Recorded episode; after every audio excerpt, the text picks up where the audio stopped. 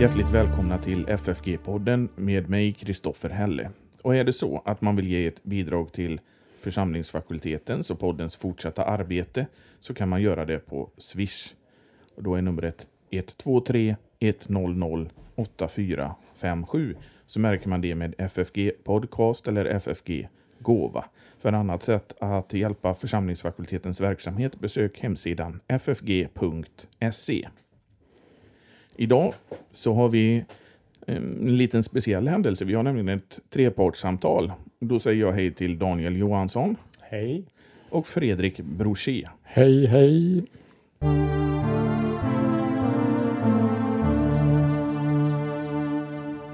Vi ska idag tala om Martin Luthers skrift som heter Om kyrkans babyloniska fångenskap. Ser ni fram emot detta? Ja, väldigt spännande ämne tycker jag. Ja, Mm. verkligen. Och eh, kan jag fråga dig Daniel, mig, vad, vad betyder det här med babylonisk fångenskap? Ja, varför Luther fångar upp det begreppet eller varför han sätter den titeln på den här skriften.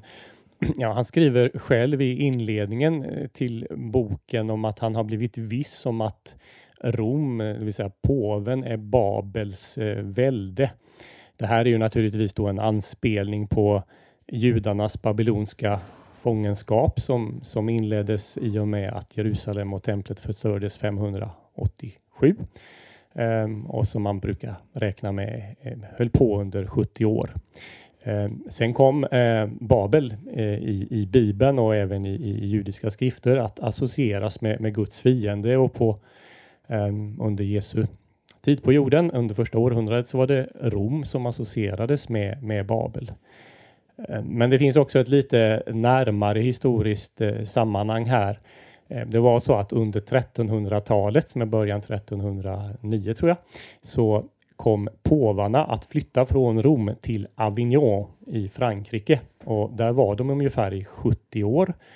Och det kom att betecknas som påvarnas babylonska fångenskap. Eh, den, den eh, berömde eh, renässans, eh, den människan, första humanisten brukar han beskriva som ibland Petrarca, som själv växte upp i Avignon. Han kallade det här för påvarnas babylonska fångenskap. Så det är en titel som är så att säga gångbar i tiden när Luther tar upp den för att diskutera kyrkans sju sakrament. Mm. Och det är just det, det är alltså då den romersk-katolska kyrkans sju sakrament som han vänder sig emot. Ja, jag skulle säga den medeltida kyrkans eh, Ja. eh, sju sakrament. Eh, det, var, det var så att eh, det var omdiskuterat hur många sakrament kyrkan eh, hade ganska länge. Det är Petrus Lombardus som i sina berömda sentenser kan man säga slår fast att de är sju eh, sakrament. Eh, och den, den skriften här ifrån eh, eh, om, omkring eh, år, årtusen Sen kan man väl säga också att de, de var nästan tvungna att ha det till sju stycken sakrament därför att sju var fullkomlighetens tal. Så, Mm. så att det, det, har nog, de har nog övertolkat det här rätt mycket för att få komma upp fram till det här med sju då. Alltså det var en stor grej med just sju. Så. Mm. Eh, Det är det. det är första gången man vill slå fast det är väl vid fjärde Laterankonciliet 1215 och, och så finns det något koncilien tror jag i Florens 1439 som tydligt slår fast att de är sju, men de har inte räknats som sju eh, sådär jättelänge när, när Luther tar upp det här till kritik. Men jag tänker om vi sätter in den här skriften i sitt sammanhang i, i Luthers, eh, tid, Luthers tidslinje. När kom den här? I, i, Det här är en av Luthers stora reformatoriska skrifter 1520. Eh, den kommer efter att han har publicerat sin, sitt upprop, kan vi kalla det det, till den kristna adeln i Tyskland för att vidta eh, reformåtgärder.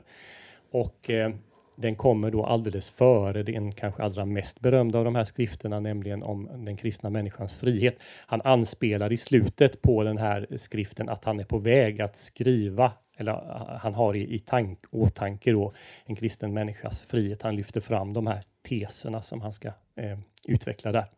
mm. Man kan ju säga också att i en kristen människas frihet så är, så är, är det ju den, den fromme Luther som, som framträder som tro, tror på ordet och, och anknyter till, till mystiken och, och lovprisar. Så där, där har vi ju mer uttryck för hans personliga tro. Så, så, så, att han kanske kände ett behov, behov när han hade gått igenom det här eh, babyloniska fångenskapet, ganska läromässigt, ganska teoretiskt eller vad jag ska säga. Och, och, att jag måste ju visa vad det egentligen hänger på. Det är ju att jag tror på det här själv och så skriver han det, eh, hur, hur tron bakgrunden till en kristen människas frihet. Mm.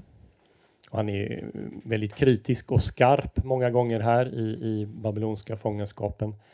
Eh, och det är han ju inte i, nej, i kristen nej, människas frihet. Tvärtom, det är en enda lovsång alltså till, till, till Gud. Så att det, det, är inte så konstigt om, om eh, lutheraner senare har föredragit en kristen människas frihet och tyckte att det var mycket mer uppbyggligt att läsa den skriften jämfört med den här som vi ska diskutera idag. Men annars var det ju ett kännetecken hos Luther att han var ganska så skarp. Och, mm, och, det är han många gånger. Den här, man kan eh, räkna upp många exempel, men bara i valet av titel eh, så ligger ju en otroligt skarp kritik när man associerar då kyrkans centrum i världen med, eh, med Babylon då som, som betecknas som Guds fiende i, i, i Bibeln. Mm. Och det återkommer gång på gång här så att eh, var tjugonde sida eller något sånt där i boken så kan man hitta en anspelning på bab den babylonska fångenskapen. Ja, och om vi tar boken, den här som jag har är eh, kopierad efter 1918 års upplaga. Jag tror detta är den senaste upplagan som har kommit ut va? Mm, det är det, men en ny är på, på väg som vi håller på att förbereda här på församlingsfakulteten. Och den beräknas komma ut snart? Eh, förhoppningsvis under eh, nästa år, 2022. Mm. Och eh, Luther börjar med en inledning i det här eh, där han nästan direkt går in på säga, nästan som ett förspel till det första kapitlet om nattvarden för att han, är, han pratar väldigt mycket om nattvarden i eh, inledningen. Mm. Det gör han och det utgör en ganska stor del av texten. Jag har inte kollat exakt på, på sidorna, men, men kanske närmare en tredjedel av boken handlar om den. Sen ytterligare en ganska lång del om, om dopet eh, och övriga delar är, är relativt eh, korta. Han kommer in på, på teologiska, bibliska, exegetiska frågor, men också på många praktiska spörsmål, särskilt i, i den, den senare delen av boken. Vi kan väl eh, nämna, eftersom vi talar om var, var, i Luthers karriär befinner vi oss. Han har eh, ett år tidigare, 1519, skrivit tre små eh, korta skrifter, eller kanske rättare sagt är det predikningar han har hållit över, eh, eh över dopet, över boten eller bikten och över nattvarden, eller ska vi säga brödets sakrament, för intressant nog, han kallar det fortfarande för brödets sakrament. Eh, och det säger ju någonting om hur man förstod nattvarden och det är egentligen den första punkten Luther faktiskt vill lyfta upp, om vi ska ta det helt kort. Han, han är ju väldigt, både i inledningen och sen så är det ju det här att även lekmännen ska få nattvarden av bägge gestalterna som han säger. Mm. Och, och, det är det som han nu har, han har lyft här under något år, redan 1519 så eh, vädjade han egentligen till påven att kalla till ett nytt kyrkomöte eh, där man skulle ompröva beslutet från Konstans eh, 1414 eh, eh till, till 18 ägde det kyrkomötet rum och då fastslog man att lekmännen bara skulle få del av, av brödet och inte av kalken. Och det vill nu Luther ompröva. Och han vet att det kan vara farligt att kräva något sådant, för det hade Johan Hus gjort och han fick ju, eh, han, han led ju martyrdöden och brändes på bål bland annat för den åsiktens skull. Men det är liksom utgångspunkten, starten för det här. Men han, eh, om vi går in på kapitlet om nattvarden lite så, så är det bland annat eh, Johannes 6 som eh, han talar om. Det handlar inte om nattvården, säger Luther. Nej, det är en ganska viktig fråga för Luther eh, vad som ska vara utgångspunkten när man behandlar nattvarden. Vad som är nattvardens väsende eh, och innehåll. och då argumenterar Luther för att vi ska börja i, i, i de ställena som är klarast och vilka ställen är klarare än de ställena där Jesus själv instiftar nattvarden, där han talar om syftet med den. Så därför är utgångspunkten, och det argumenterar Luther för och genomför också konsekvent för hans nattvardsförståelse, det är det är de fyra instiftelseberättelserna så som vi har dem i Matteus, Markus, Lukas och i första Korintierbrevet 11. Och eftersom det inte alldeles är klart att, att Jesus faktiskt talar om nattvarden i Johannes 6 så vill inte Luther göra det till en utgångspunkt för diskussionen. Liksom han inte heller vill ta in andra ställen i, i, i Gamla Testamentet eller så som eh, tar vi berättelsen om om eh, Abraham och Melkisedek där det talas om hur, hur det bärs fram bröd och, och, vin så vill en del göra det till en nattvardsberättelse och tolka nattvarden utifrån det. Det avvisar Luther. Vi måste börja i, i det centrala i nattvardens själva instiftelseord. Eh, Luther talar ofta om verba testamenti, testamentets ord, instiftelseorden. Eh, så att det, det är utgångspunkten. Sen eh, kan man säga att när diskussionen med Svingli uppstår en, en fyra, fem år senare så, så mm, tycker Luther att det ger honom rätt i hans ursprungliga förståelse för, för Luther använder Johannes, förlåt, Svingli använder Johannes 6 för att tala för en symbolisk nattvardslära som då eh, Luther, Luther avvisar. Och eh, man kan ju säga att eh, Luther blir en, om, om romersk-katolska kyrkan är ena diket och Zwingli är andra diket så blir ju Luther någon form av medelväg där egentligen. Eh, det, det, kan man väl säga. Eh, på vissa ställen kan man också säga att, att både Zwingli och eh, den, den medeltida teologin faktiskt hamnar på, på samma eh, linje. I ett exempel till exempel hur man förstår nattvarden så finns det ett, ett verkligt presens hos Luther att det är ett agerande som händer här och nu. Eh, om man vill hårdra det lite grann så är, handlar eh, Zwinglis nattvardsförståelse om att man så att säga mentalt förflyttar sig tillbaka till korshändelsen, man minns den. Eh, Likaså den romerska katolska framställningen även i, i, så att säga, i representationen, att man så att säga upprepar händelserna vid korset. Det betyder återigen att man på något sätt flyttar tillbaks till den tiden medan Luther har sitt fokus på, på, på, på det som Kristus här skänker till den som deltar i gudstjänsten och, och deltar i nattvarden. Så det är vissa likheter även om det kan tyckas att man står liksom på, på varsin ytterkant med, med den lutherska förståelsen i mitten. Ja, man, man kanske ska understryka där som Daniel är inne på att det är inte förrän i i, i konfrontationen med Zwingli som Luther utvecklar hela sin nattvardslära. Så här är, är liksom en slags eh, pre, preludium eller, eller begynnelsen eh, till, till, till den Uh, och, och sen i den Augsburgska bekännelsen 1530 där står det i paragrafen om nattvarden att uh, vi lär om nattvarden att Kristus är verkligen till städes vere ad sint och eh, realpresensen förenade Luther med katolska kyrkan och skilde honom från Zwingli och den vänsterflygen. Så att Luther sympatiserar egentligen mer med katolska kyrkans nattvardsuppfattning än med zwinglianernas nattvardsuppfattning. Men det hade väl mycket också med deras uppfattning av det här med transubstantiationslära som Luther vände sig emot? Ja, men det, Eh, Eh, det, det, är sant att han eh, argumenterar mot eh, transubstantiationsläran här och talar om att man tagit in aristoteliska kategorier i kyrkans teologi och, och man ska inte blanda ihop filosofi och bi, Bibeln och sådär. Men, men själva grundidén bakom transubstantiation det var att Kristus verkligen skulle vara där närvarande. Eh, så, så, så, han kan ju på något sätt ställa, fick, fick han välja mellan svinglianerna och katolikerna skulle han välja katolikerna. Att, eh, de, de, har åtminstone, de syftar åtminstone till realpresensen, ja, även om medlet, den här filosofiska utläggningen, avvisas. Då. Han är mycket mer. Det, det, tre punkter kan man säga som Luther är, är, är kritisk och lyfter, lyfter upp när det gäller nattvardsläran.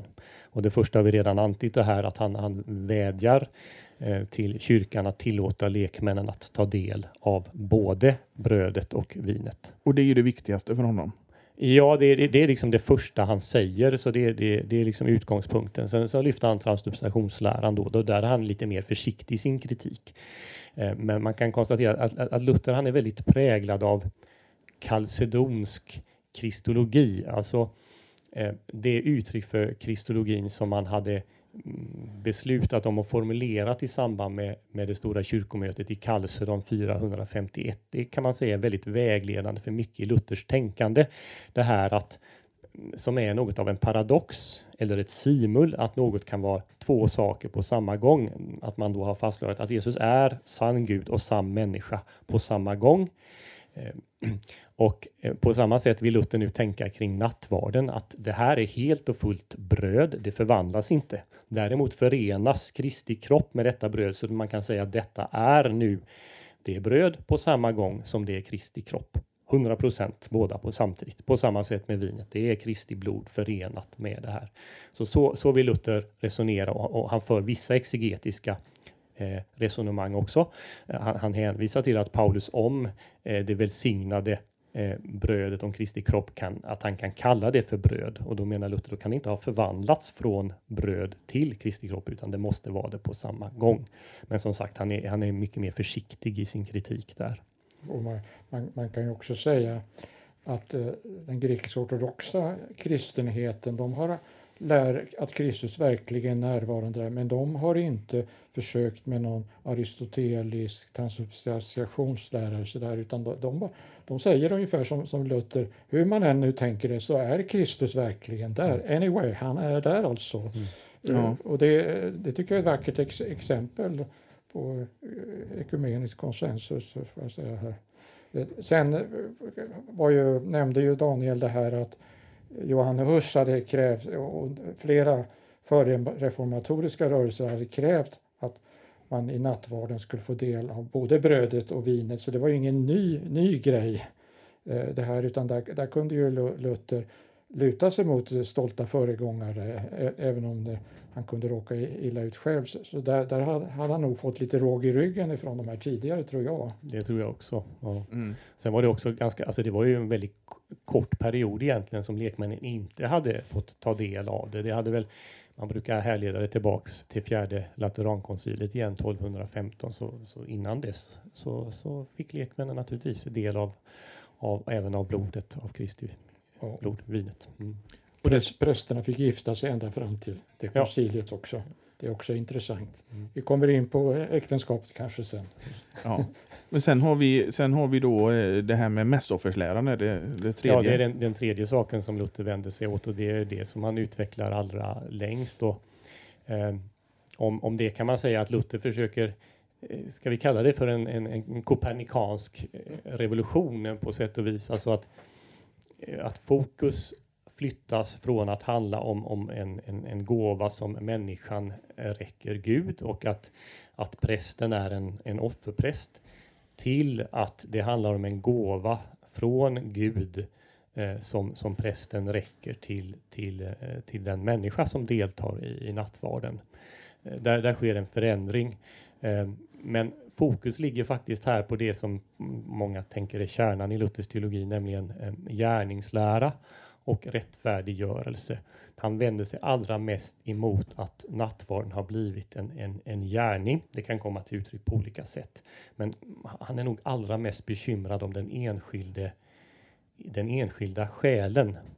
Att den ska kunna gå till nattvarden och vara viss om att man där får del av, av Kristi kropp och blod och får del av, av förlåtelsen. Eh, det fanns ett drag i, i, i den medeltida teologin eh, där, eh, av, av självprövning. Eh, och för att veta om man nu var värdig att ta emot nattvarden så skulle människan undersöka sig själv. Och eh, om, om hon inte kunde se att hon, hon liksom Ehm, om det fanns någon, någon, någon dödssynd eller att hon, hon bejakade någon sådan, då var hon egentligen värdig. Men, men Luther ser ett problem där i att, att när man, man, ska titta på sig själv och undersöka sin, sin värdighet, då uppstår det så lätt tvivel. Och det var ju tvivel som Luther själv hade varit med om många gånger. Eh, istället så vill Luther lägga fokus på det som är gåvan, nämligen förlåtelsen, testamentet, det som, det som Jesus räcker. Där, det kan man nog säga är ändå kärnan i det han vill lyfta fram den delen av sin diskussion av nattvarden.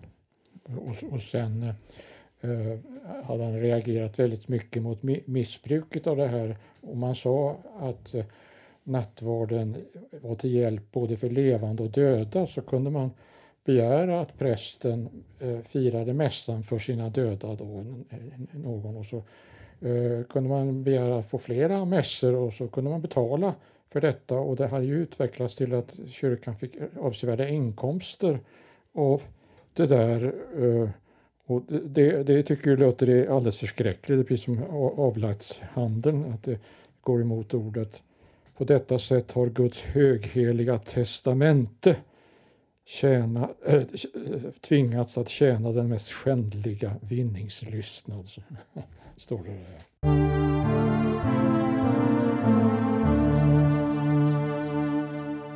Ja, jag tänkte vi, vi fortsätter med, med de andra.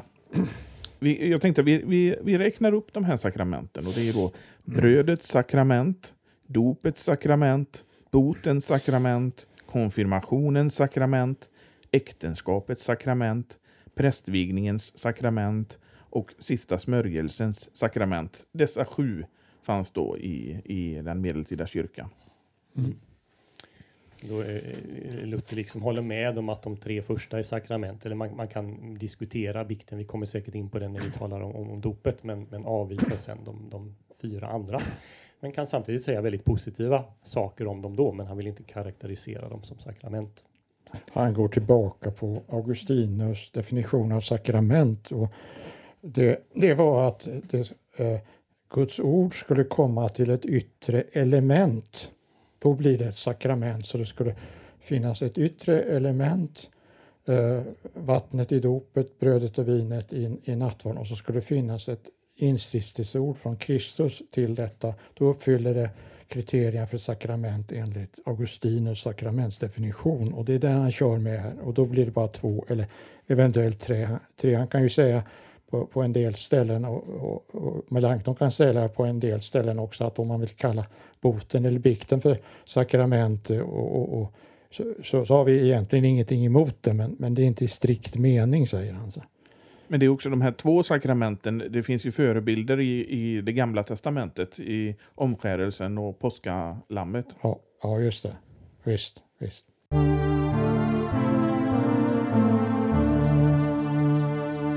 Ja, ska vi prata lite om dopet då? Det tycker jag. Och dopet, där skriver han det att eh, välsignad vare Gud och vår Herres Jesu Kristi Fader som efter sin stora barmhärtighet bevarat åtminstone detta enda sakrament i sin kyrka. Ja, och så eh, fortsätter han med lite starka ord. Men han säger att dopet har de i, i den medeltida kyrkan bevarat. Ja, ja eh, eh man kan ju se i den Augsburgska bekännelsen 1530 att man är ense om eh, eh, artikeln om dopet och det står ju bara två saker i denna mycket korta artikel. Det står att dopet är nödvändigt till saligheten och barn bör döpas. Det är de två enda sakerna. Och det är, är eh, de eh, reformatoriska helt ense med den katolska kyrkan på den punkten. Eh, men om vi ser lite närmare på vad Luther säger om dopet här i kyrkans babyloniska fångenskap så är det följande. Han betonar då att dopet betyder två saker, död och uppståndelse. Och i uppståndelsen så finns en fullkomlig och fulländad rättfärdiggörelse.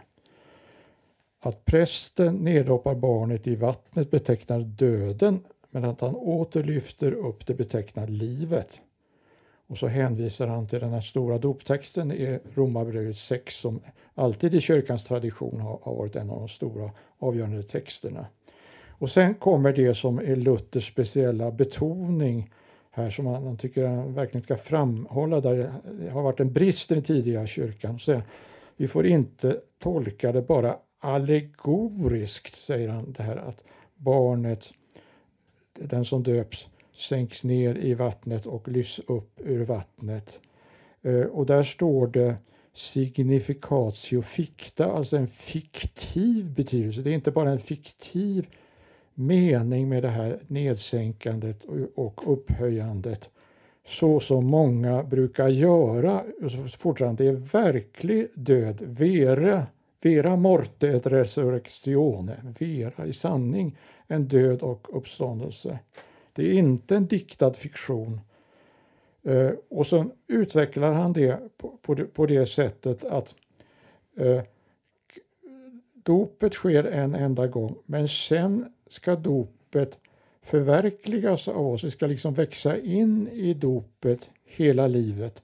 Och det betyder att Gud genom livets olika skifter, eh, genom det som händer oss, genom lagens verkan, dödar den gamla människan dag efter dag. Och så samtidigt så lyfter Gud i Kristus upp människan i dopet så att det ska vara daglig död och daglig uppståndelse. Det är att praktisera att leva ett uppståndelseliv. Det, där ligger hans eh, accent på det här. Eh, och där, därför så säger han att jag skulle vilja att dopkandidaterna helt och hållet doppades ned i vattnet så som ju själva ordet anger, doppa, baptisma, eh, och den, hemle, och den hemlighetsfulla handlingen antyder. Dock ingalunda så att jag anser det vara nödvändigt. Eh, men det vore tilltalande om en så djup och fullkomlig verklighet även framställdes i en djup och fullkomlig symbol Eh, så var utan tvivel Kristi mening instiftade dopet. Eh, och i, i den grekisk-ortodoxa eh, världen där har man ju stora dopfuntar och man sänker ner barnen, barnet helt och hållet och så när barnet lyf, lyfts upp så får man ha en badhandduk.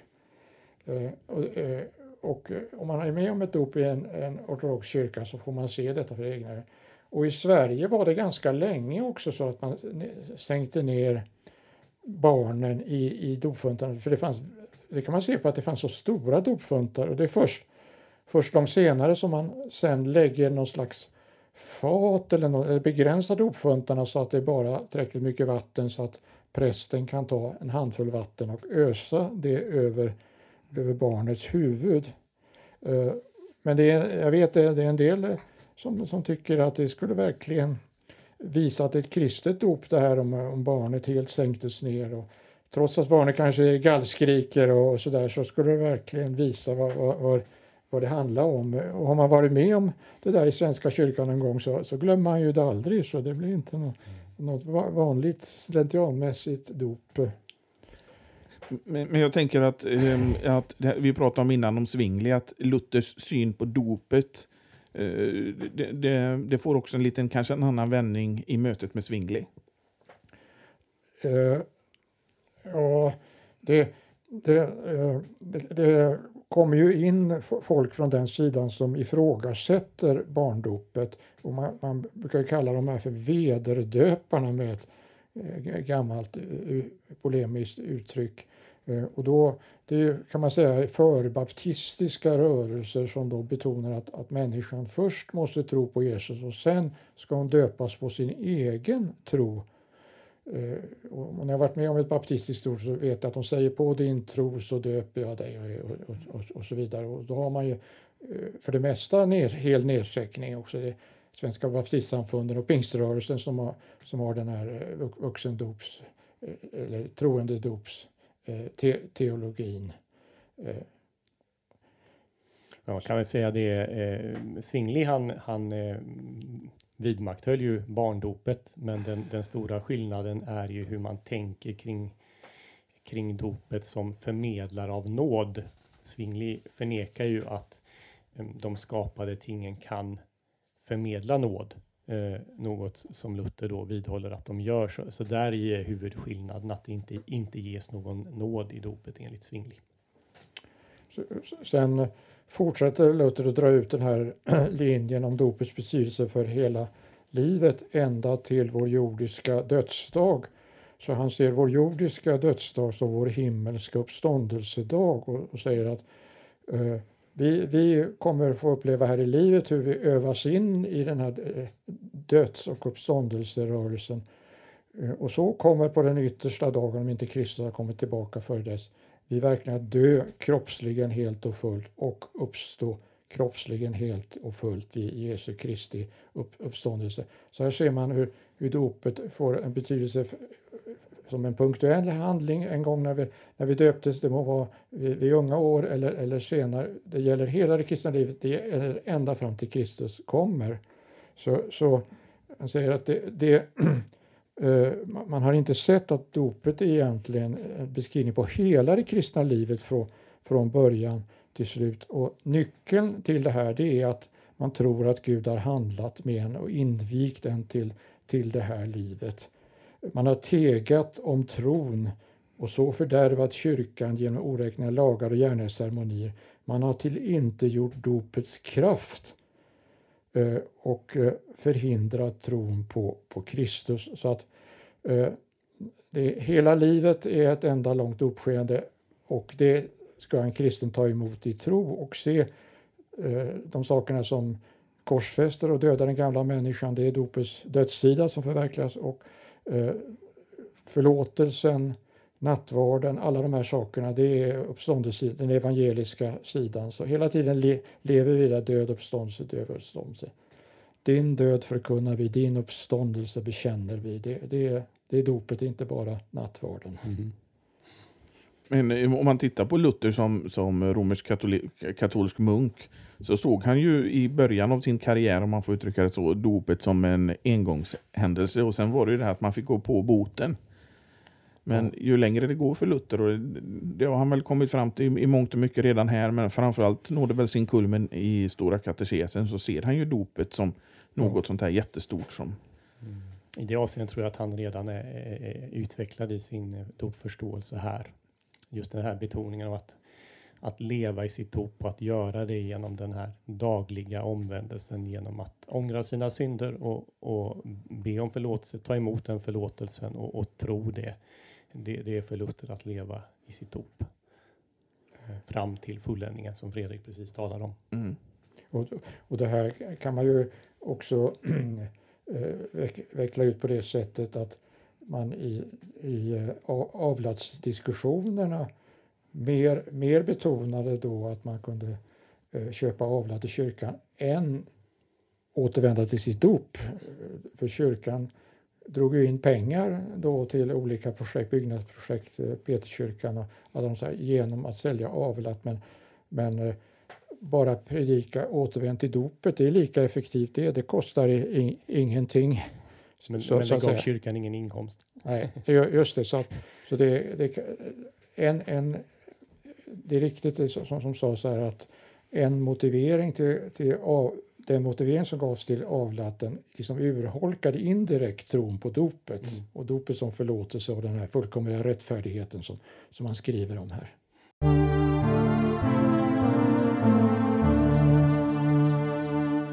Ska vi ta några ord om botens sakrament också? Ja, botens eller biktens sakrament. Eh, och, då kan man gå, direkt gå vidare på Lilla katekesen. Där fanns det ursprungligen i Luthers Lilla katekes ett avsnitt om bikten och det kallades för bikt. Eh, och, och han beskriver mycket, mycket väl hur, hur, det, hur det ska gå till. Eh, så Luther ville då rakt inte avskaffa bikten utan han har flera utsagor om hur oerhört betydelsefull bikten hade varit för honom, hur han hade fått tröst och uppmuntran genom bikten och, och eh, hur Kristus hade kommit, kommit nära honom och hjälpt honom vidare och så, och så vidare. Så, så den här falska uppfattningen att lutheraner inte tror på bikten eller att man inte behöver bikten, det stämmer inte med, med Luther själv. Eh, och sen eh, om man ser Augsburgska bekännelsen, Augsburgska bekännelsens apologi så har Melanchthon som är författare där inte någonting emot att kalla eh, boten eller bikten för ett sakrament. Eh, att det, det, är så stort och det, det, det, det är så, så viktigt så så det, det, är inte fel att kalla det ett sakrament, eh, menar han. Eh, Men man kan väl säga här att det, det sker ehm, en, en liten betydelseförskjutning eller eh, en, accenten hos Luther ligger lite annorlunda än den hade gjort tidigare. Där det har varit, fokus har varit på själva bekännelsen. Men det Luther vill lyfta fram är absolutionen att, att konkret få höra prästen tillsäga syndernas förlåtelse. Där vill Luther lägga accenten. Eh, sen är det några, det här är ett ganska kortfattat avsnitt i, i, i den, vilket kan delvis bero på att han delvis redan har talat om det i samband med dopet och så har han ju skrivit ett antal skrifter om den här saken. Men det är några eh, saker som sticker ut lite grann en sak som, som lutherska läran sen slår fast, det är att man, man inte kan ställa kravet att man, människan måste räkna upp varje synd när man går till bikt, att man inte ska kunna få förlåtelse. För vi vet inte allt, säger Melanchthon senare, vi vet inte hur mycket vi syndar, vi är inte medvetna om alla synder, så man ville ta bort det som var ett, liksom ett lagstadgat krav. Eh, det var en sak. Och eh, sen är det lite intressant här att, att Luther tycks vara något av en, en, en prelestadian kan man väl säga. Alltså i, eh, I eh, den här skriften så betonar han faktiskt, eh, eller lyfter fram den kristna möjligheten att bekänna synderna för varandra. Eh, och inte nödvändigtvis då för, för prästen och att, att man kristen broder eller syster emellan också skulle kunna tillsäga varandra syndernas förlåtelse. Jag vet inte om han omvärderade den synen eh, senare, men, men här kan man konstatera att han lyfter fram den möjligheten. Det, det har väl anknytning till Jakob 5 där det står ja. ungefär så, så, så Bekänn var, era synder för varandra. Ja, ja så han, ska, han skulle ju kunna eh, åberopa det. Sen eh, är det, är det också en, en väldigt kraftig betoning på det här att den vittnelse som prästen uttalar med sin mun är Guds egen förlåtelse. Så i Lilla katekesen skulle biktbarnet då bekänna sina synder och sen skulle biktfadern fråga tror du, eh, tror du att min förlåtelse är Guds förlåtelse? Och då skulle biktbarnet säga ja, käre fader. Eh, så, och Luthers poäng är ju där att det är Kristus själv i prästens gestalt och genom prästens mun och stämma som tillsäger den här personen syndernas förlåtelse. Så, så visst är det som om Gud själv säger det och människan ska ta det som, här, nu säger Gud till mig, det är inte bara mm. den här personen. Så det, det är alltså en oerhörd eh, kraftig betoning att nu talar Gud till mig, nu kan jag vara viss om detta och då, då kan jag verkligen känna mig fri och veta att jag är fri och tro att jag är fri och känna glädje över detta och så, och så vidare. Mm. Det, det, är ganska starkt, ganska fint tycker jag. Mm. Ja, det är det. det är det. Ska man säga något mer om vikten så kan man säga att Luther diskuterar då satisfaktionerna, alltså tillfyllestgörelsen, att man då åläggs att göra Eh, diverse olika gärningar. Eh, där han då är, är, kritisk emot det och att istället lägga, lägger han fokus då på, på den enskildes eh, tro. Eh, faktum är att Luther här säger att man ska egentligen inte om man nu pålägger satisfaktion så ska man inte avlösa förrän man har ut, utfört dem där. Eh, för han, han har sett ett problem, det har han förmodligen sett själv som, som biktfar, alltså att, när, att då nästa gång man kommer tillbaka så har man inte utfört sin, sina pålagda gärningar. Och så kommer man tillbaka för att bekänna dem och så läggs det nya och så blir det liksom en, en, en bara en mer, eh, fler, eh, allt utökad då skuld som måste bekännas. Och sen kan du köpa avlat istället för att Ja, och det är ju Luther, det börjar ju reformationen med att han är oerhört kritisk mot att man ska kunna ta den genvägen istället för att ägna sig åt verklig botgöring. Och det vet vi ju själva att Luther var ju väldigt eh, intensiv i sitt biktande som, som munk. Ja. mycket, mycket. Ja, han kunde gå till bikt och, och sen Eh, Eh, bara när han sprang därifrån så kom han på någon, bikt som han inte, någon, någon syn som han inte hade biktat. Så sprang han tillbaka till biktvaren, jag glömde det här och så vidare. Och den här Staupitz blev ju alldeles förtvivlad över att att, att, han aldrig som var nöjd med sin syndabekännelse. Och, och det var då, då han började förstå det här att man biktar de synder man är medveten om och, så, som plågar den. Så de andra får man ta i klump så att säga. Att alla synder som jag inte kommer ihåg eller som jag är medveten om ber jag om, om förlåtelse. Och först då kan man ju veta att Gud har förlåtit eller räkna med att Gud har förlåtit en alla synder. Även de hemliga. Hemliga ja. synder, just det. Förlåt mig mina hemliga brister, det citeras senare av Melanchthon till exempel. Ja. Uh, ska, ska, vi prata lite om äktenskapet också? Eh, ska vi inte prata om konfirmationen först? Ja, det är inte så mycket att säga om Vi kan det. ta det väldigt kort. Vi kan ta det väldigt kort. Daniel har säkert någonting väldigt kort.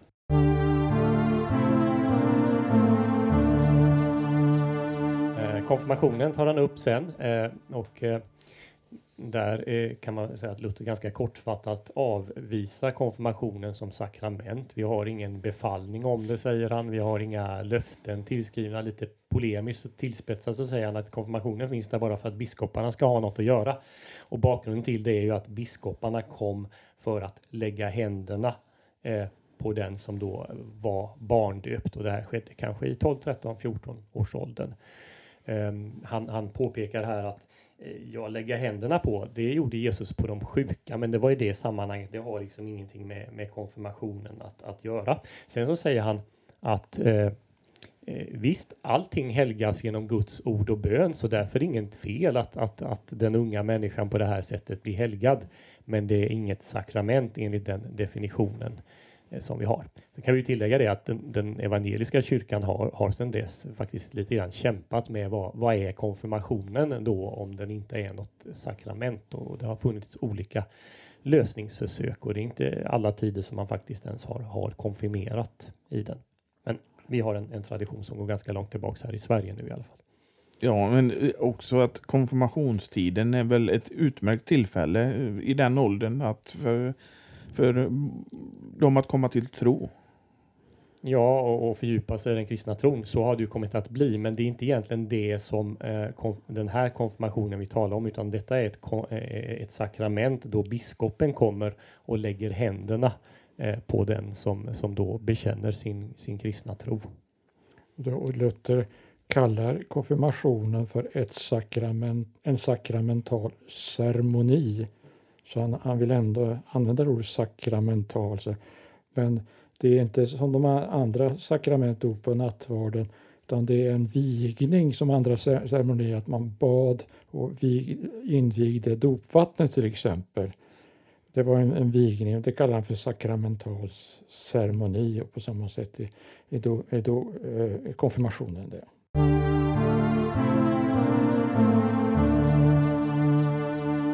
Och nästa det är äktenskapet. Ja, och det är det femte. Just femte ja. Och då skri Luther skriver att trots saknaden av varje stöd i skriften betraktas äktenskapet ej blott som ett sakrament, utan det har rent av blivit till åtlöje just genom samma traditionella uppfattning som föranleddes beprisande såsom ett sakrament. Därom vilja vi nu tala något. Och, och, och man kan prata väldigt mycket om äktenskap, väldigt mycket, många in, intressanta eh, eh, saker. En, ett spår här som, som Luther har, det är det är att eh, eh, de kristna kan inte säga att de har liksom märkvärdigare eller finare eller riktigare äktenskap än, än alla andra. Eh, utan han, han, säger de otrognas äktenskap är inte mindre äktenskap än de trognas. Så, Eh, och han, eh, han, han kallar till och med på flera ställen eh, äktenskapet för ein weltlich Ding, alltså en världslig sak. Och då, då är man väldigt långt ifrån det här med, med sakrament. Men, men sen kan, man ju tänka så här att det ligger någonting i det här med sakrament. Och man är lyckligt gift så får man ju genom äktenskapet nåd och glädje och allt möjligt och man är väldigt tacksam för detta. Eh, eh, och det finns ju kristna romaner som heter Sakrament som beskriver äktenskap, alltså den positiva sidan av det hela. Så eh, nu för tiden så försöker man väl eh, ändå på många sätt man und, und, understryker det här, eh, inte devalvera äktenskapet utan visa hur Gud verkar genom äktenskap och de är lyckliga som, som har ett gott äktenskap och har familj och det betyder enorma välsignelser eh, eh, och, och sådär. Eh, det kan ju Luther säga på andra ställen när han hade gift sig med Käthe vid 42 års ålder och han fick det ena barnet efter den andra, hur han fröjdades över detta, vad det betydde för honom. Så där, därför kommer en annan sida av äktenskapet fram. Då. Mm. Sen, eh, om vi ska gå in på vad han skriver, han har väldigt mycket att säga om äktenskapet. Det, det har ju under medeltiden, senmedeltiden, eh, uppställts många regler och lagar om, om vem som får ingå äktenskap och vem som inte får ingå äktenskap och, och Luther lyfte upp många av de här och ibland kan han vara väldigt kritisk eh, och ibland kan han bejaka. En intressant sak som har med hans eh, förståelse av Bibeln att göra är att han han, han, är mycket kritisk till en, en regel som säger att en trolovning kunde upphävas om någon ingick en andra trolovning. Det menar Luther, det, det är fel. En trolovning gäller. Har man ingått en så ska man sedan ingå äktenskap och det, det vill han då basera på Bibeln och framförallt på berättelsen om, om Josef och Maria. Sen kan man väl säga att han, han far eh, ganska vilse så småningom eh, här. Han, han börjar diskutera vad som händer om, om mannen är impotent i, i, i äktenskapet och det upptäcks först efter vigseln och vad kvinnan då ska göra. Eh, det har han flera sidor om och det utmynnar ju hela. Det, det, finns kanske andra som har mycket bättre saker att säga om och som är mer lärda och, och lämna den saken åt, åt dem. Men i senare utgåvor av, av babyloniska fångenskapen som man ofta utelämnat eh, den här delen för den har man sett som, som, problematisk och ingen har väl följt Luther i det. Ja, då får man tänka på att för Luther så ingick eh, det här från skapelseberättelsen var fruktsamma på något sätt nästan i äktenskapets definition att målet med äktenskapet var att få barn. Eh, och det, det, där känner man ju igen till exempel om man har varit i Afrika och talat med etiopier eller så om äktenskapet så, så säger de att jo, poängen med det hela det är ju fertilitet. Man, det är ju barnen, eh, det är det som är stort. Man ska ha så många barn som möjligt eh, då naturligtvis. Eh, och det beror på att barnen ska ta hand om en när man är gammal och barn, ens gener, lever, DNA lever vidare i, i, i barnet eh, och sådär. Och eh, på Luthers tid var det ju också en oerhörd barnadödlighet. Och då, Luther fick ju barn som inte överlevde och sådär och det kunde ju vara barnen, de försökte få barn alltså så, så, ofta de kunde. Alltså, en kvinna kunde föda 10-12 barn. Det var inte, var inte, inte något ovanligt alls. Och så kanske det bara var 3-4 som nådde vuxen ålder. Alltså de, de ohyggliga eh, siffrorna som barnadödligheten har. Alltså det, man kan förstå på något sätt det här. En, en annan fråga som man är uppe och diskuterar det är ju giltiga skäl till skilsmässa. Mm. Om man kan skiljas överhuvudtaget. Det är ju en fortfarande aktuell... En, eh, en aktuell fråga, ja. men, det, men det han eh, driver här är väl det som han, som han fortsätter att driva sen, att, att Bibeln i praktiken ger tre skäl eh, till, till skilsmässa, otrohet, att man gifter sig då med en icke-troende och den icke-troende vill lämna och så nämner han också övergivenhet. Eh, det är inte alla i den lutherska traditionen som har följt honom här, men, men det är det som den, den unge Luther eh, tar upp här. Men han påpekar som sagt att han vet inte säkert och överlämnar den saken åt alla. Man kan ju förstå det att, att Luther kan säga det. Jag, jag vet inte säkert, för han, han, han är eh, verkligen ute och, och diskuterar en lång rad områden, och en del som gör, rör ren juridik vid den här tiden. Ja, det som kallas för kasuistik. Ja, det fanns ju mycket i katolska kyrkan detaljföreskrifter för olika situationer som prästerna skulle känna till. Då. Men om han godkände skilsmässa, vad, hur såg han på omgifte då? Ja, det förutsätter att man kunde gifta om sig om man hade giltigt skäl till, ja. till skilsmässa. Mm. Och det hade man ju inte i den medeltida kyrkan utan brukade ju kanske då kunna komma undan den saken genom att man istället dömde att, att äktenskapet hade inte ingåtts på ett riktigt sätt så att det upphävdes istället. Mm. Men, men om, vi, om vi pratar om äktenskap och skilsmässa så är det ju idag eh, väldigt många par som skiljer sig. Ja. Och man skiljer sig kanske lite för lättvindigt. Ja. Och det är för att, jag tror att det är för att många, många eh, förväxlar kärlek med förälskelse till exempel. Ja visst, och kyrkan har ju tagit konsekvenserna till exempel här i Göteborgs stift genom att de har en mottagning som heter kyrkans familjerådgivning dit par som upplever svårigheter i sitt äktenskap kan, kan komma. Och då, då sitter mannen och hustrun där tillsammans med en familjeterapeut, en kristen familjeterapeut. Och så får den ena parten säga så här upplever jag si och så. Och så får den andra vara tyst och lyssna. Och så säger den andra så här upplever jag det hela.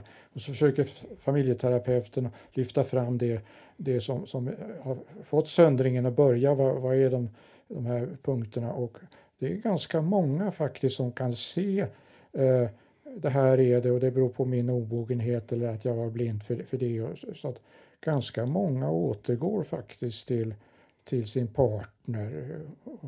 Eh, det, det, man mognar ju hela livet och man lär sig mer, mer och mer och man, lär sig, man blir bättre och bättre på att leva i ett tro, tror jag var mer och mer lyhörd för den andra. Så om, om, om kyrkan viger så, så tycker jag det är fint att kyrkan tar lite ansvar åtminstone för att det ska bli bra med äktenskap och de ska kunna lösa svårigheter sen tillsammans. Då. Mm. För det är ju en välsignelse i äktenskapet att växa tillsammans i äktenskapet. Ja, ja. Lätta livets mödor och mildra mötande bekymmer som det stod i den gamla skil, äh, äktenskapsritualet. Ja.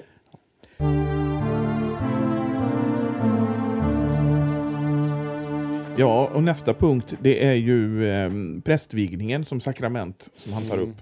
Ja, och då börjar han också att, att avvisa det utifrån sin definition av vad, eh, eh, vad, präst, eh, av, av vad ett sakrament är. Eh, så. Eh, och, och det ger sen Luther anledning att diskutera olika aspekter på, på prästvigningen, eller ska vi säga på prästämbetet. Eh, till exempel så tänkte man i, i medeltida tänkande och det gör man alltjämt idag i den romersk-katolska kyrkan att i samband med prästvigningen så fick den invigde eh, en oförstörbar karaktär, en karaktär indelebelis så att man eh, Eh, den gav prästen så att säga kraften och förmågan att eh, att läsa instiftelseorden vid nattvardens firande så att brödet och, och vinet eh, förvandlades till Kristi kropp och blod. Eh, men den innebar också att en gång präst, alltid präst. Här tycks den unge Luther då här tänka lite annorlunda, så lämnar man det som är själva prästämbetets kärnuppgift, som man också tar upp här, nämligen att predika, att undervisa, eh, så är man inte präst längre. Så har inte alla i, i, i Lutherdomen tänkt eh, efter eh, Luther. Eh, en annan, eh, han, han lyfter här fram då det allmänna prästadömet och utifrån första Petrusbrevet eh, 2.9, alla kristna människor som, som präster. Och han, han är kritisk mot, eh, en, en, han tycker en, en onödig uppdelning på, på präster, ämbetsbärare och lekfolket. Att det finns liksom en, en, en onödig antagonism dem emellan. Han framförallt menar att prästerna har sett ner på lekmännen. Och det är klart att det ligger en hel del i, i det. Alltså skulle du vara riktigt from så skulle du antingen vara präst eller munk eller nunna. Men vanliga människor, de, var, de kunde inte upple, eh, leva upp till de här fromhetsidealen. Det är också något som Luther totalt vänder på, att du gör en Gud i behaglig gärning när du lagar mat eller när du byter barnets blöja eller du, du sår på din åker. Eh, så, sådana här saker eh, kommer, tar han upp och han kommer också då, apropå äktenskapet, in på celibatstvånget eh, gentemot prästerna som han då eh, avvisar. Och han eh, ehm, eh, eh, menar att en, en, präst eh, ska naturligtvis kunna vara gift. Men det hade man under medeltida teologi tänkt sig så att prästen är gift med sin församling och gifter man sig då också med en kvinna så blir det någon form av tvegifte.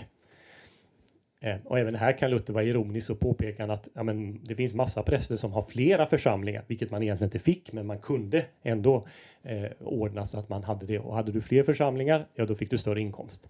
Så, så Luther, han är liksom, när han diskuterar det här så kan man ju säga att han, han sparkar ganska ordentligt på smalbenen på, på den där tidens eh, uppfattningar om, om ämbetet. Eh, Ska man till sist eh, säga någonting om, om hur Luther tänker annorlunda då kring kring prästämbetet så är det ju att han ser prästens uppgift som att, att först och främst vara en förkunnare av, av Guds ord och på det sättet också en som förmedlar Guds gåvor, nåd och förlåtelse till de kristna i dopet. Han har ju jättestora höga ting att säga om prästämbetet. Fredrik har redan varit inne på det i samband med, med bikten i dopet, att, han, att Gud tar prästens armar och sträcker sig ner till detta, denna person som döps, så att den döps i själva verket av, av Gud själv. Så att Luther vill ju inte på något sätt egentligen dra ner prästämbetet, han snarare kanske höjer upp det på det sättet. Men prästen, eh, menar Luther, är inte en offerpräst i gammaltestamentlig mening. Offerpräst i gammaltestamentlig mening, det är alla kristna präster som, som ska offra sig själva i sin kallelse. Eh, och, och likaså avvisar han att prästen är en domare för att i just biktens sammanhang så kom eh, prästerna att vara domare. De skulle utdela de rättmätiga straffen för de synder du har begått. Men han betonar, han betonar prästens uppgift att förkunna, att predika evangelium. Det som också Paulus är inne på när han säger att vi har fått ett apostelämbete från Kristus i Romarbrevet 1. Ja. Det, Eh, om vi nu är inne på, på ämbetsfrågan här så, så måste man säga att det finns två linjer hos Luther. Den ena linjen är den som, som Daniel nämner det här när han talar om det allmänna prästadömet. Eh, men förut, eh, en annan linje som också är förutsättningen för det särskilda prästämbetet det är Guds kallelse, apostlarnas sändningen. Att Gud vill att det ska finnas ett prästämbete, en som förkunnar ordet och förvaltar sakramenten i, eh, i, i, i, i varje församling. Eh, och då kopplar han inte ihop det med det allmänna prästadömet utan då kopplar han ihop det med Jesu apostlaval och den apostoliska successionen. Och, eh, han tänkte sig att apostlarna fick sina efterföljare, varje kyrkoherde i varje stad i, mindre Asien till exempel ser han då som en efterföljare till Kristus och, och kallad av yttersta Kristus själv. I, I den här skriften om koncilierna och kyrkorna så, så räknar eh, Luther upp tecknen på var kyrkan finns någonstans och då har han ju dop och nattvard. Men då har han också som tecken att det finns ett ämbete och då, då stryker han mycket tydligare än i skriften om, träl, eh, om eh, babyloniska fångenskap fast att det är kallelsen, det är sändningen, det är det, är det gudomliga instiftelsen av det hela.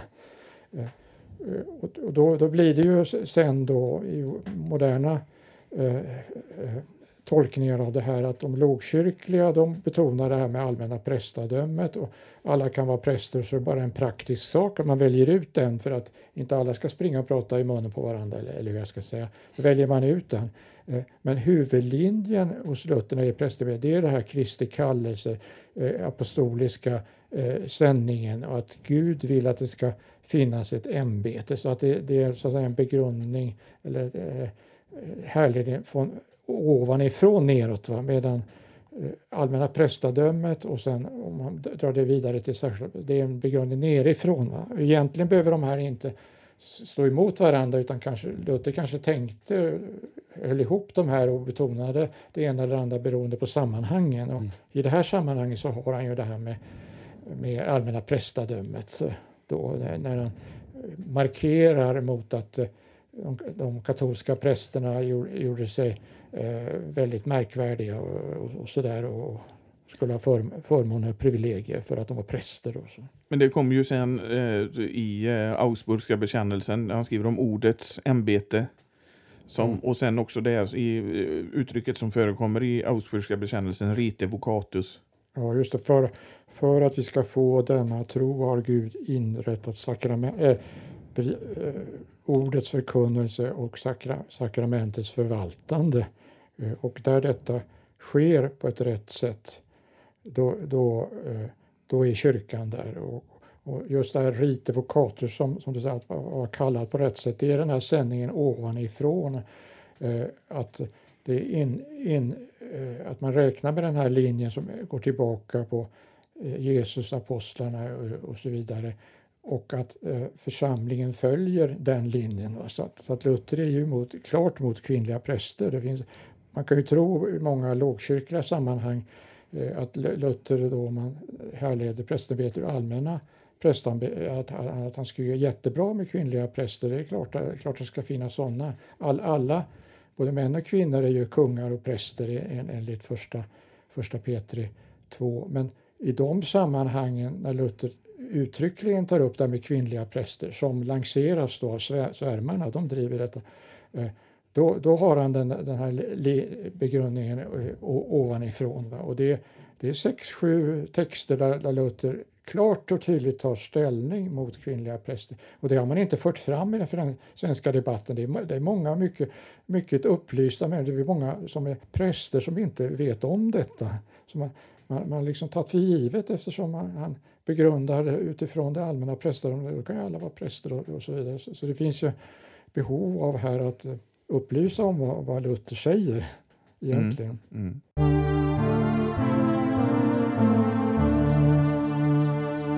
Ska vi eh, gå in på eh, det sista? Ja. Och det är alltså då som den sista smörjelsen. Ja, som det inte heter längre. Ja, just det.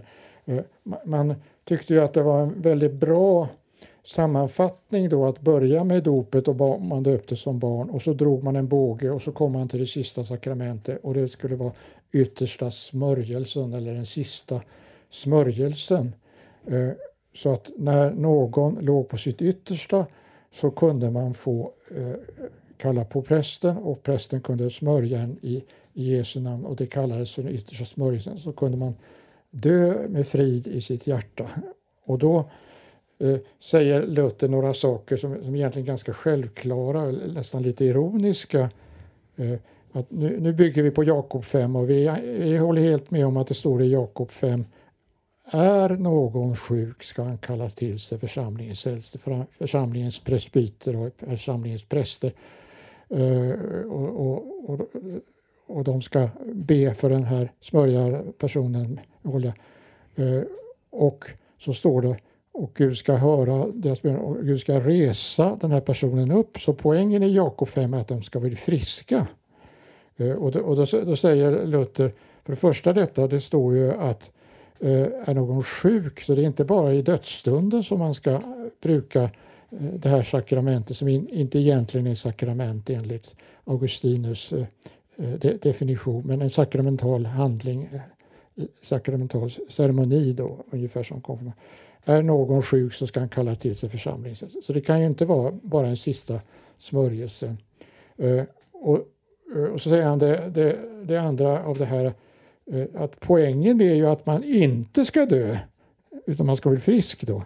Så det, säger han, det är ju lite konstigt då att be att någon döende inte ska dö utan bli frisk då, som Jakob 5 talar om, och använda det som dödsförberedelse. Va? Så där, där har han ju en po klar poäng alltså. Han säger, är icke detta vanvett? Vad är då vanvett? Lite spetsigt. Ja. Ja, ja, just det.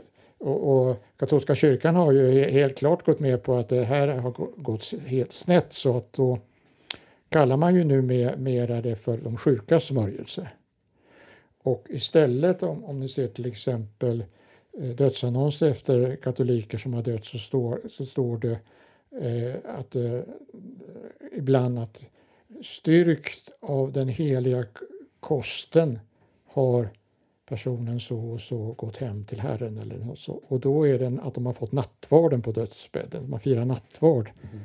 där och, och, det var ju Luther helt, helt med på. Alltså det var, det var jätte, jättebra att sova. Alltså, viaticum heter det där, på, alltså sista väg, näring, mat och dryck den sista väg, vägsträckan för att komma igenom det sista dödsvåndan och dödsarbetet och, eh, och, och det där.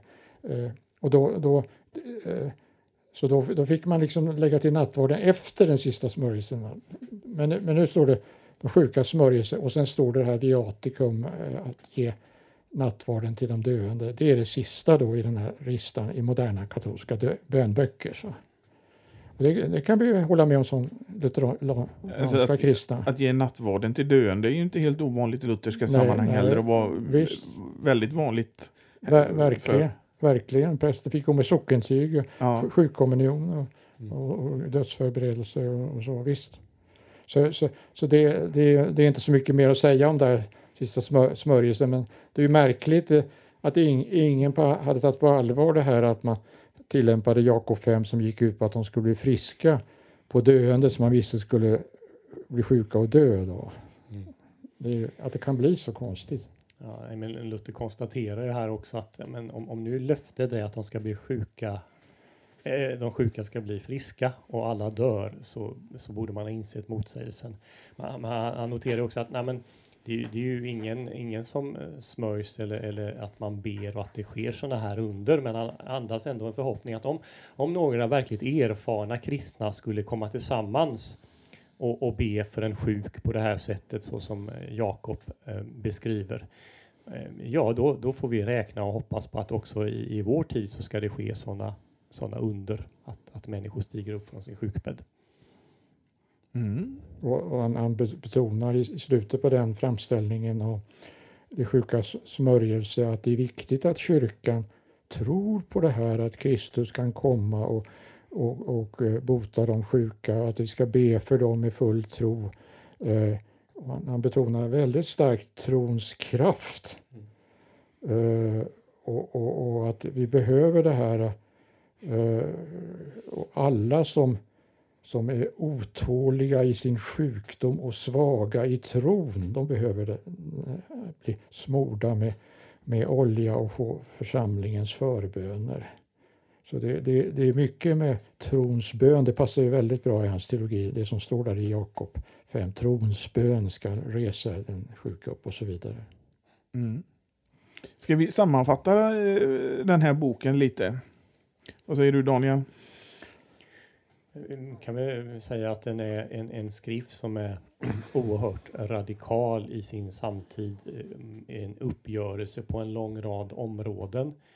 Men mycket, inte alltid, den har, har blivit ehm, ett, ett tankegods som, som är ehm, välkänt i den evangelisk-lutherska eh, kyrkan. Eh, han vänder och vrider på saker och ting på ett ganska förunderligt eh, sätt. Eh, jag menar hans, hans kritik nu mot de, den sista smörjelsen vänds till något positivt. Där han menar att vi ska egentligen göra det som, som Jakob beskriver. Han, han, han har minskat antalet sakrament då till två eller tre stycken. Samtidigt i slutet så kan han räkna upp både det ena och det andra. Korset till exempel. Det kunde vara ett sakrament. Jesus förklarar dem som lyssnar till hans ord för saliga och så det ena efter det andra. Och så kunde vi ha hur många sakrament som, som helst egentligen förbundna, kopplade till, till löften. Men han väljer ändå att, att stanna vid det här utifrån en traditionell definition av vad sakrament är. Jag vill bara understryka det Daniel säger att, att det här är en väldigt polemisk skrift. Och alla polemiska skrifter är ensidiga. Och när polemiken får fundera på saker och ting och det går några år så, så, så vidgas ofta perspektivet. Och eh, för att få en eh, Luthers vad ska jag säga, full, fulla undervisning om dop och nattvard till exempel så, så kan man gå till nya kat, eh, lilla katekesen och stora katekesen och man kan gå till Augsburgska bekännelsen. Eh, och då, och då, då ser man att eh, dop och nattvard är lutheranerna och katolikerna rätt så ense om, och även om, om dopet, de två, tre sakerna som, som är, är sakrament. Så, så, så lä, läs inte bara eh, hur Luther framställer sakramenten i den här skriften om, om den abeloniska frågan, utan gå gärna till Lilla katekesen eh, och gärna till Augsburgska bekännelsen så får du lite bredd på det här, lite mer sammanhang, lite mer balanserad undervisning. Man kan säga så här att, att vi pratade in inledningsvis om eh, att en kristen människas frihet som kom efter den här. Eh, där är han inte lika polemisk. Men sen så fortsätter han ju eh, några år senare när han skriver mot Erasmus i den trällbundna viljan. Då är han nästan ännu mer polemisk än i den här skulle jag säga. Så att han kan ju skifta lite i alla fall, den gode Luther. Ja. Och han, han vitaliseras av, av konflikter och han får energi när eh, han kan gå in i, i den här polemikerrollen. Kan man säga. Och, och samtidigt får vi säga här att även om han då är väldigt polemisk här så har han nog ändå den, den enskilda människans ve och väl för sina ögon. Det, det kommer ur hans erfarenhet som, som biktfader. Vad är, det som, vad är det som kan ge en människa frälsningsvisshet? Det, det är det som han också driver i den här skriften. Det är väl det som driver honom i allting? I, i hög grad så, ja. ja.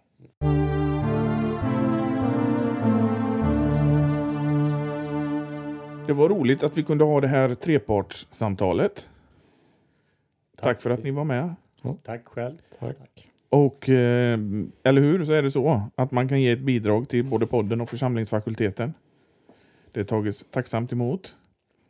Och eh, vi kan ju säga att vi har haft fakultetens dag här. I lördags var det. Vi samtliga tre här var med. Det var trevligt att få träffas igen. Mycket. Och eh, är det så att man vill ge ett bidrag så kan man göra det på Swish. Numret är 123 100 8457. Det finns också i eh, avsnittsbeskrivningen och så märker man det med FFG Gåva eller FFG Podcast. Och eh, än en gång tack och så hörs vi igen nästa vecka. Hej då!